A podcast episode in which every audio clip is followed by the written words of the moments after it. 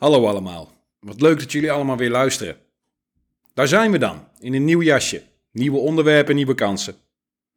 We gaan vandaag dus beginnen met een nieuwe start. We hebben de meidagen achter ons gelaten en we gaan vanaf nu diverse andere onderwerpen behandelen. Leuk, ik heb er zin in. Want verhalen genoeg. De komende serie zal gaan over de militaire carrière en het leven van de zoon van Willem van Oranje, Maurits. Dat verhaal gaan we vertellen, daar ligt de nadruk op. Maar die carrière vond plaats in de 80-jarige oorlog. Daarom zal ik in grote lijnen het begin van die oorlog vertellen en de aanloop naar de inbreng van onze hoofdpersoon uitleggen. Want we moeten, om deze persoon te begrijpen, ook de omstandigheden begrijpen waarin hij zich bevond. Maar let wel in grote lijnen. Dus een gedetailleerde beschrijving van de oorzaken en aanleidingen van die oorlog gaan we niet doen. We gaan er dus relatief vluchtig doorheen. Dus als je het een en ander mist, als je denkt, hé, hey, hij slaat hele stukken van die 80-jarige oorlog over, is het daarom. De Nederlandse opstand of de 80-jarige oorlog is een prachtig, maar ook enorm uitgebreid en complex verhaal. En dat is niet zoals vijf dagen in mei in een podcast samen te vatten. Althans, dat ga ik niet doen. Oké, dan weten jullie ook ongeveer wat je kan verwachten. Oh ja, en ik zal het meest van de tijd Nederland of wij zeggen, omdat de Republiek der Zeven Verenigde Nederlanden of de opstandige provincies onder de Unie van Utrecht lang is. Dat is een hele mond vol. Daarom dus gewoon Nederland. Ondanks dat het toen dus nog niet officieel Nederland heette. Maar goed, zonder verder oponthoud. Welkom bij Nederland in oorlog. Verhalen uit de vaderlandse krijgsgeschiedenis. Aflevering 20. Maurits van Oranje. Tandem Fit Circulus Arbor.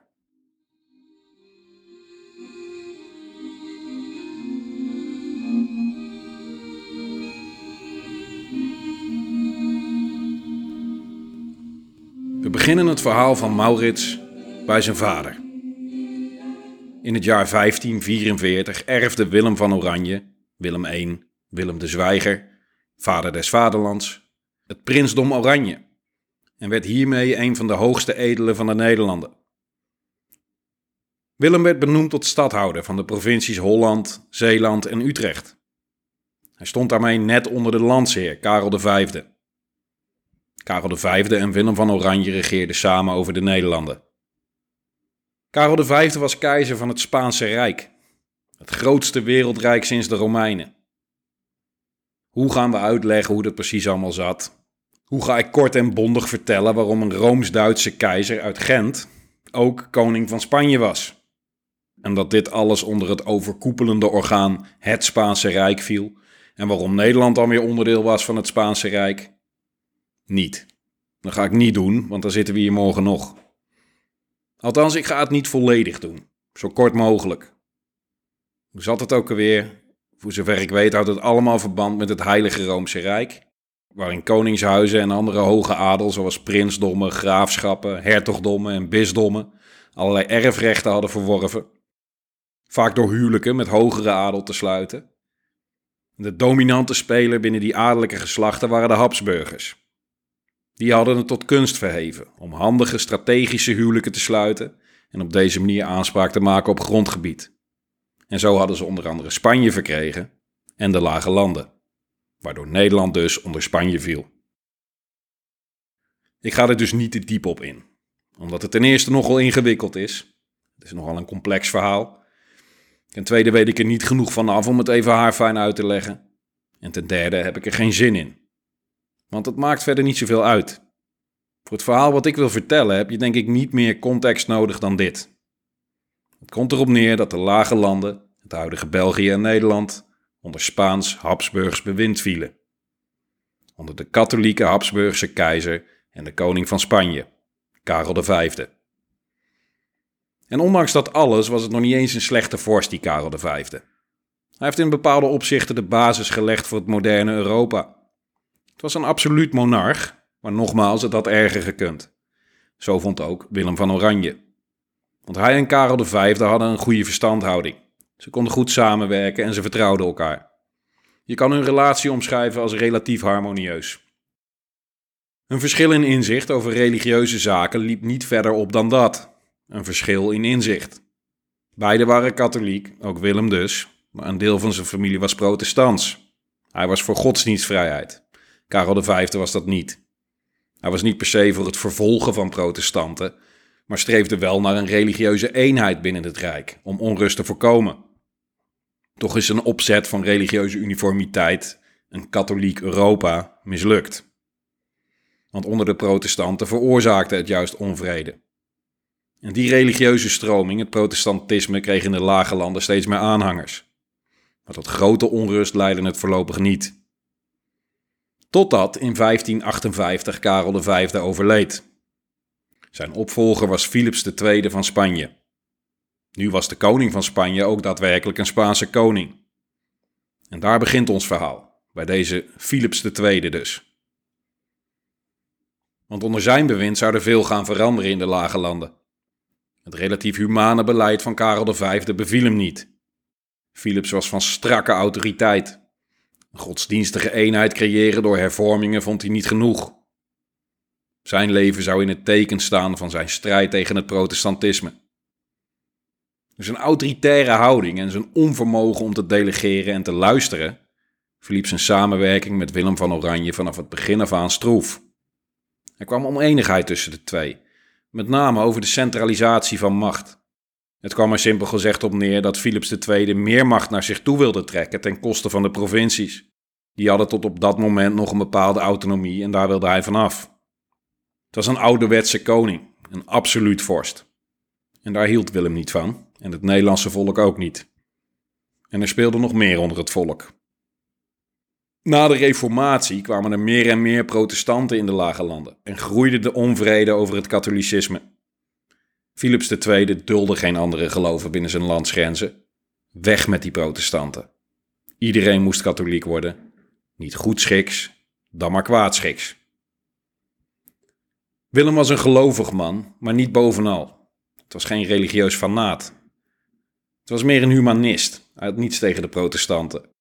Hij streefde naar godsdienstvrijheid, om onrust onder de bevolking te voorkomen. En hij stond erop. Vanwege zijn stelligheid in deze standpunten verloor hij het vertrouwen van Philips II. En andersom ook. Want Philips had lak aan Willem en drukte zijn tyrannieke beleid er gewoon door. Philips en Willem groeiden hoe langer hoe meer uit elkaar. En hun ideeën over het te voeren beleid werden hoe langer hoe meer onverzoenbaar. De onrust in het land groeide. Zeker nu er duizenden protestanten werden opgepakt en terechtgesteld. Het kwam tot een uitbarsting in 1566. Duizenden protestanten gingen, je raadt het al, protesteren inderdaad. Het zit hem al een beetje in de naam natuurlijk. Maar niet met een spandoekje en een ingestudeerde jel. Het ging iets verder dan dat. Opgehitst door populistische predikanten begonnen ze hun frustratie om te zetten in geweld. Wat ze in het Engels een mob noemen. Een ongecontroleerde, ongeleide en ongeorganiseerde menigte. Buiten zinnen en opgezweept door massahysterie. Het is van alle tijden, het is levensgevaarlijk en het leidt zelden tot iets goeds. Woedende protestanten gingen overal de straat op om kerken te vernielen. Alles werd gesloopt. Boeken, orgels, beelden, gewaden, kelken, schilderijen, altaren. Symbolen dus. Alles wat katholiek was, moest kapot. Een grote hoeveelheid kerken in Nederland en het huidige België moesten het ontgelden. Er werden ongekende vernielingen aangericht. Deze grootschalige rellen noemen we de beeldenstorm. Of de beeldenstorm van de lage landen. Want er waren er gedurende de 16e eeuw al een paar geweest, onder andere in Duitsland. Maar deze spande wel de kroon. Philips was verbolgen over deze heiligschennis. Aan deze ongeregeldheden moest direct een einde worden gemaakt, vond hij. Wie niet luisteren wil, moet maar voelen. Hij was van de keiharde aanpak, van de escalatie. Toch kwam zijn antwoord op de beeldenstorm pas een jaar later. Het kwam een beetje als mosterd na de maaltijd, want het was toen alweer een tijd rustig. Maar goed, het was niet alleen het herstellen van de orde, maar ook gewoon wraak. Hij stuurde een vrede generaal met 10.000 soldaten naar de Nederlanden om orde op zaken te stellen. Fernando Alvarez de Toledo, beter bekend als de hertog van Alva, of gewoon als Alva. de IJzeren Hertog. En die kreeg carte blanche, onbeperkte bevoegdheden. De beeldenstormers moesten worden berecht. En katholieke overheersing moest door worden gedrukt. Middels katholieke rechtbanken, inquisities, bloedraden. En dan maar vervolgen die ketters. Ophangen, onthoofden, verbranden. Dit was gewoon hoe de Spanjaarden te werk gingen natuurlijk. Zo zaten ze in elkaar, ze wisten niet beter. Niets ontziend en meedogenloos. Ze waren al een eeuw lang het machtigste rijk op aarde. Hadden een enorm koloniaal rijk. We zitten een groot deel van Zuid- en Midden-Amerika en het Caribisch gebied. En dat hadden ze niet verkregen door hun vriendelijkheid. Maar die macht was ze ook naar de bol gestegen. Ze namen het voor lief. Het had ze arrogant en decadent gemaakt. Log ook. De dynamiek was eruit, de flexibiliteit. En tolerantie was sowieso niet hun sterkste eigenschap. En dat is wat je hier dus ook ziet. Repressie, onderdrukken en keihard aanpakken was vaak een enige antwoord op weerstand vanuit onderworpen volkeren. En als dat niet werkt, als de onvrede alleen maar toeneemt, meer repressie, meer onderdrukken en nog harder aanpakken. En dat kan twee kanten op. Of het lukt en je pacificeert je tegenstander. Als het mislukt, zorgt het voor escalatie. Leidt het tot verharding. Met alle gevolgen van dien. Want dat gebeurde hier dus. Want de tendens in de lage landen was niet meer te onderdrukken. Sterker nog, die groeide dus alleen maar. Die geest ging niet meer terug in de fles. Het enige wat ze hadden ontketend was een ongekende cyclus van geweld. Willem van Oranje begon zich meer en meer openlijk af te zetten tegen de Spaanse koning en sprak zich tegen hem uit, bekritiseerde hem. Ook Willem vond de beeldenstorm trouwens iets verschrikkelijks. Dat is niet de weg die we moeten inslaan natuurlijk. Dit is blinde woede. En dat leidt ook nergens toe. In ieder geval niet tot een vreedzame oplossing. Een verzoening van het protestantisme en het katholicisme. En dat was Willems doel. Het leek nu verder weg dan ooit. Dus Willem was teleurgesteld over de radicale beeldenstormers, maar vooral kwaad op Philips, want deze escalatie was een direct gevolg van zijn anti-protestantse beleid. Ja, dan moet je net de Spaanse koning hebben. Die pikte het uiteraard niet. Dit is hoogverraad, vond hij. If you're not with us, you're against us. Hij dulde geen kritiek. In zijn ogen was Willem nu de vijand. Hij had zich achter de protestanten en de beeldenstormers geschaard. En dus stuurde hij Alfa achter hem aan om hem op te pakken en hem te laten berechten. Willem werd opgejaagd. Hij was gedwongen te vluchten in 1667 en vertrok voorlopig naar Nassau, naar het slot Dillenburg. Zijn oudste zoon, Philips Willem, die in Leuven studeerde, werd bij Alfa's komst in gijzeling genomen en naar Spanje gestuurd. Ook zijn familie was dus niet meer veilig. Ja, zijn familie. Hoe zat het daarmee? Een kleine uitleg. Zijn eerste vrouw, Anna van Buren, was jong overleden. Uit dit huwelijk had hij twee kinderen, Maria en Philips Willem. Daarna trouwde hij met Anna van Saxe. Weer een Anna dus, en een dochter noemde ze ook Anna. Zij stierf kort na de geboorte. Niet lang daarna werd Maurits geboren, maar ook hij stierf al jong. Daarna werd er nog een Maurits geboren, op 14 november 1567. En dat is de hoofdpersoon van dit verhaal. Maurits van Oranje-Nassau. Na Maurits kregen Anna en Willem nog een dochter, Emilia. Anna van Saxe, hun moeder, heeft trouwens het gezin verlaten om in Keulen een soort jetset leven te gaan leiden. Ook wel opmerkelijk. Willem besloot van haar te scheiden, wat toen de tijd zeer ongebruikelijk was, omdat het huwelijk als een heilig verbond werd gezien en scheiden als een zonde. Uiteindelijk schijnt Anna krankzinnig te zijn geworden en is eenzaam gestorven. Maurits heeft haar na haar vertrek in 1571 nooit meer gezien. Zijn oudere zus Maria nam gedeeltelijk de moederrol over. Tot zover even het gezin van Oranje Nassau.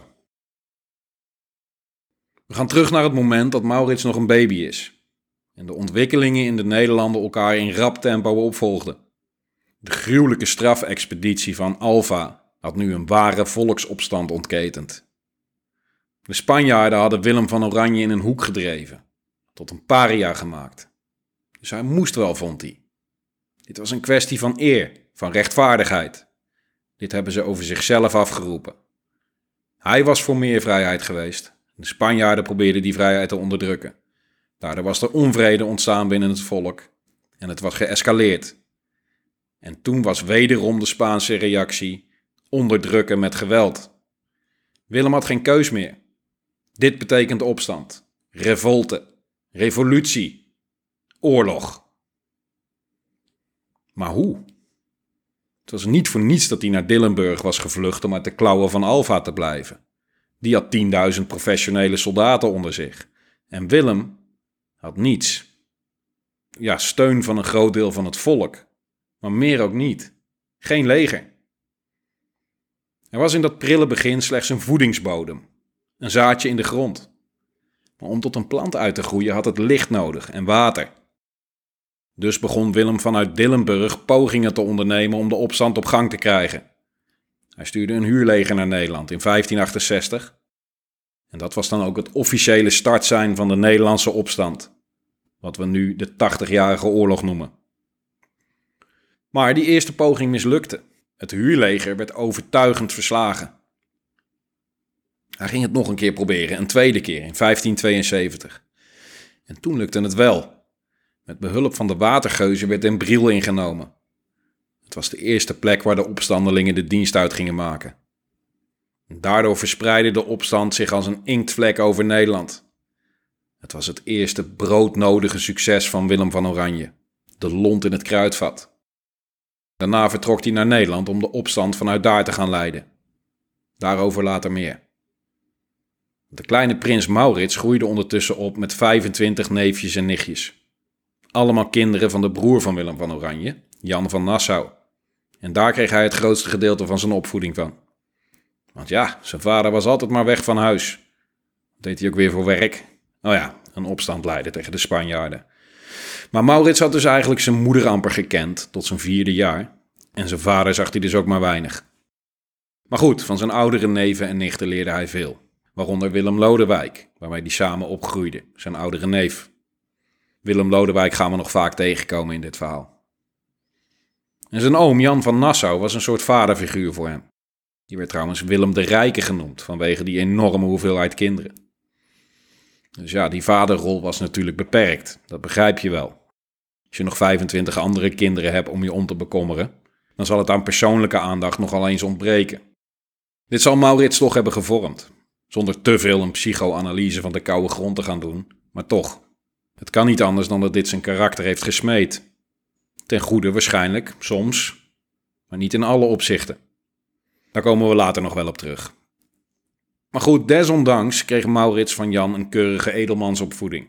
Ze kregen les in Duits, godsdienst, geschiedenis, Frans en Latijn. Hij leerde ook vechten, met de blote hand, met de dolk en zwaardvechten. En natuurlijk paardrijden, zoals een echte edelman betaamt. Op zijn tiende ging hij naar de universiteit in Heidelberg in het huidige Duitsland, maar niet lang daarna ging hij naar Nederland. Daar leerde hij in Breda de Nederlandse taal. In 1582, op zijn vijftiende, ging hij naar de Universiteit van Leiden en kreeg daar les van de beroemde humanist en historicus Justus Lipsius. Hij leerde vooral geschiedenis en het neo-stoïcisme. Geschiedenis interesseerde hem, de klassieke oudheid, de Romeinen vooral. En Maurits was goed in wiskunde en geologie. Verder ontwikkelde hij zich ook fysiek steeds meer en bleef zichzelf trainen in paardrijden, worstelen, zwemmen en het gebruik van allerhande wapens. Hij begon uit te groeien tot een breed onderlegde, sterke en capabele jonge man. En toch was hij schuchter, gesloten, liep niet over van het zelfvertrouwen. Het was geen jongen die snel op de voorgrond zou treden. Waarschijnlijk dus een gevolg van zijn opvoeding. Het kon erger natuurlijk, voordat we te veel medelijden krijgen met de jonge Maurits. Je kon het slechter treffen in de 16e eeuw als tiener. Het was geen kansarme straatjongen of iets dergelijks. De Nederlandse opstand was, in de periode die we net hebben beschreven, in volle gang. Hij was in een stroomversnelling terechtgekomen. Maar hij verliep niet geweldig voor de opstandelingen. Zijn vader wist de Nederlanders te motiveren, maar tot militaire successen komen was moeilijk. Huurlingen waren duur en onbetrouwbaar, net als de geuzen. Het staatse leger was hoog gemotiveerd, maar klein en slecht getraind. Willem had het moeilijk. De Spanjaarden waren sterk, te sterk. En die hadden Alexander Farnese, de hertog van Parma, erop afgestuurd. Een beruchte generaal wederom, net zoiets als Alfa. En die drong de Nederlanders terug. De moedige, maar amateuristische opstandelingen waren geen partij voor de doorgewinterde professionals van Parma. In het zuiden, oosten en noorden van de Nederlanden had Spanje de controle volledig terug. Maar de Nederlanders waren niet van plan om zich erbij neer te leggen. De roep naar onafhankelijkheid was te groot. Het was een moeizaam begin. Er was gebrek aan organisatie en geen centraal bestuur. Diverse opstandige provincies voerden hun eigen beleid, hun eigen oorlog. Het was chaos. Rebellerende facties waren vleugellam. Alles kroste door elkaar heen. Er kon geen vuist gemaakt worden. Maar daar kwam in 1579 verandering in, door een bijeenkomst in Utrecht. Daar verenigden de verschillende provincies zich tegen de Spanjaarden. Er werd vastgesteld wat het gezamenlijke doel was: het bestrijden van de Spaanse overheersing en het afzetten van de Spaanse koning. Er werden afspraken gemaakt over hoeveel de provincies konden bijdragen aan de opstand, aan geld, materiaal en mankracht. Op een voor die tijd behoorlijk democratische manier werd overeengekomen dat dat op basis van vertrouwen moest gaan. Vertrouwen dat het persoonlijk belang, het provinciaal belang, ook het gezamenlijk belang is. En dat dat ten alle tijde in acht genomen werd. En dus was de afspraak over hoeveel er moest worden bijgedragen, zoveel je kan missen. Heel simpel. En dat werkte verrassend goed. Deze gedenkwaardige en doorslaggevende bijeenkomst vond plaats in de Domkerk in Utrecht en gaat de geschiedenis in als de Unie van Utrecht van 1579. Twee jaar later, in 1581, opgevolgd door het plakkaat van verlatingen. Dat zou je kunnen zien als de officiële onafhankelijkheidsverklaring van de Nederlanden. En als de eerste democratische revolutie. En als de inspiratiebron voor de Amerikaanse Declaration of Independence. Maar dat terzijde, want dat is pas 200 jaar later. In het plakkaat van verlatingen werd de Spaanse koning afgezworen door de opstandige provincies. Philips II werd afgezet, omdat de vorst zijn plichten tegenover zijn onderdanen niet nakwam, om met recht en reden te regeren en om hen te beschermen, maar hun oude rechten afnam en hen als slaven probeerde te onderdrukken. Hij was geen vorst meer, maar een tiran. En dat gaf zijn onderdanen het recht om hem af te zweren. En zo geschiedde. De consensus was er dus, het gezamenlijke doel, de wil om door te gaan, de wettelijke onderbouwing. Alleen dat viel niet lekker bij de Spanjaarden. Die hadden niet zoiets van: Oh, oké, de koning is afgezet. Nou, dan uh, gaan we maar. Nee, die hadden het beste en sterkste leger van de wereld op dat moment. En wat had Nederland? De watergeuzen, een soort piraten eigenlijk, criminelen.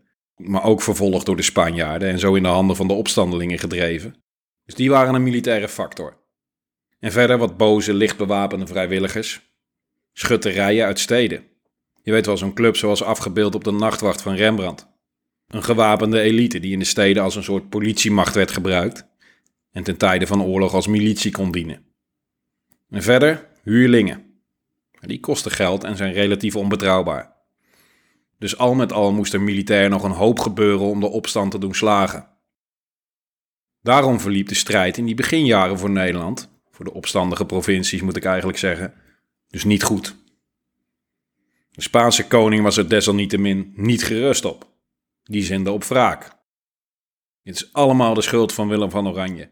Dat is de aanstichter, de leider. Verwijder het hoofd en het lichaam zal sterven. Dat idee.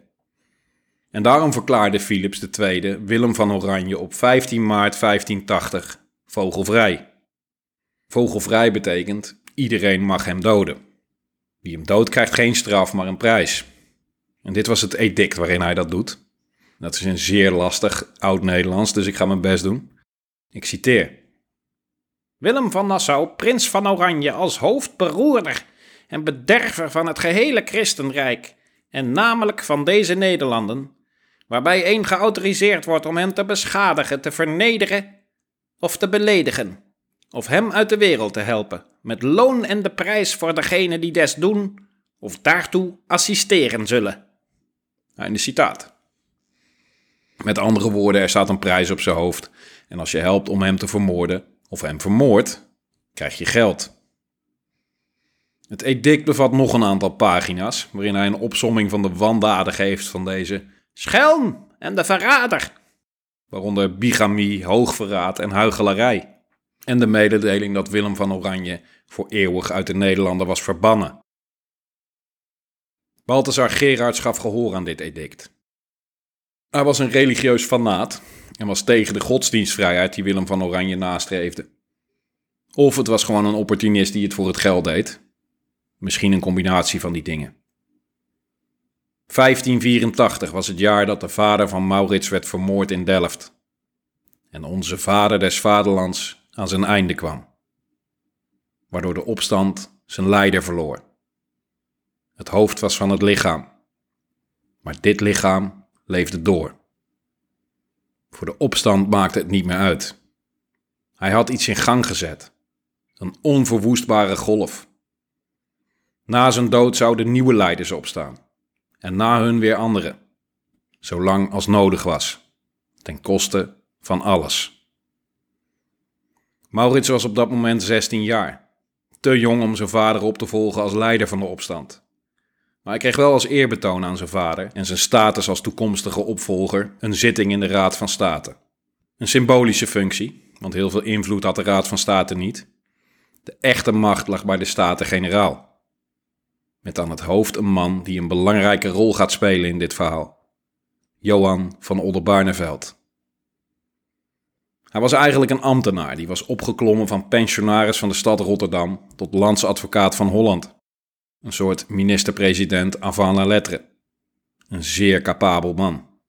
Met groot inzicht, een sterke leider. Iemand die de neuzen dezelfde kant op kon krijgen. Die de overtuigingskracht had om de doorgaans verdeelde staten-generaal te verbinden. En om de verschillende provincies aan hun verplichtingen te houden. Het was een politiek dier. Hij had de Raad van State min of meer ontdaan van hun macht, waardoor de provincie Holland, die hij vertegenwoordigde, de grootste zeggenschap had in de Staten-Generaal. De meeste macht. Maar ook de meeste verantwoordelijkheid. Want zo was het ook. De grootste bijdrage aan de opstand, financieel, maar ook qua mankracht, kwam uit Holland. Eerlijk is eerlijk, de breedste schouders dragen de zwaarste lasten. Het poldermodel, zeg maar. Iedereen moest water bij de wijn doen. En ja, wat we vandaag de dag nog steeds zien, zagen we toen ook. Politici die continu met elkaar overhoop liggen die het vrijwel nooit met elkaar eens zijn. En die nu eigenlijk gedwongen werden om samen te werken. En dat was niet dwang in de letterlijke zin des woords, maar meer figuurlijk. Want iedereen wilde die opstand. Iedereen vond het nodig en iedereen heeft iets te winnen. Alle provincies hadden een economisch en cultureel belang bij het verslaan van de Spanjaarden. Maar toch, zo tussendoor kwamen er steeds korte termijn problemen, waardoor die kernbelangen naar de achtergrond verdwenen en situaties waarin het provinciaal belang van de ene het belang van de ander niet leek te dienen, maar te schaden. Hier zullen we in de loop van het verhaal diverse voorbeelden van zien. Het gaat erom dat er dus heel veel tegenstrijdige belangen waren, die constant tegen elkaar afgewogen moesten worden, om uiteindelijk dat grotere, allesomvattende belang te verwezenlijken. En dat was een complexe, tijdrovende en vermoeiende zaak. En daar was een zeer sterke leider voor nodig. Iemand die met tact en overredingskracht elke keer weer het voor elkaar kon krijgen om de verschillende vertegenwoordigers van de provincie zover te krijgen om dat gezamenlijke doel na te streven en te blijven streven. Onafhankelijkheid, vrijheid, de Hollandse zaak. Van Oldenbarneveld leidde de Staten-Generaal dus, en dat orgaan had ook zeggenschap over het leger. En hij, van Oldenbarneveld, wilde alles in de hand houden dacht overal over mee, ook over het leger. En zo werd besloten dat het in de huidige samenstelling geen toekomst meer had. Sterker nog, er was geen samenstelling. Er moest worden geïnnoveerd. Om de Spanjaarden de baas te kunnen, moest er worden gewerkt aan een professioneel leger, een staand leger. En dat moest geleid worden. Door iemand die verstand van zaken had en overwicht op de troepen. En wie is daar beter voor geschikt dan de zoon van Willem van Oranje? Maurits. Hij is nu nog te jong, maar hij wordt de beoogde opvolger. Niet alleen door zijn status, maar ook door zijn overduidelijke affiniteit met en talent voor militaire zaken.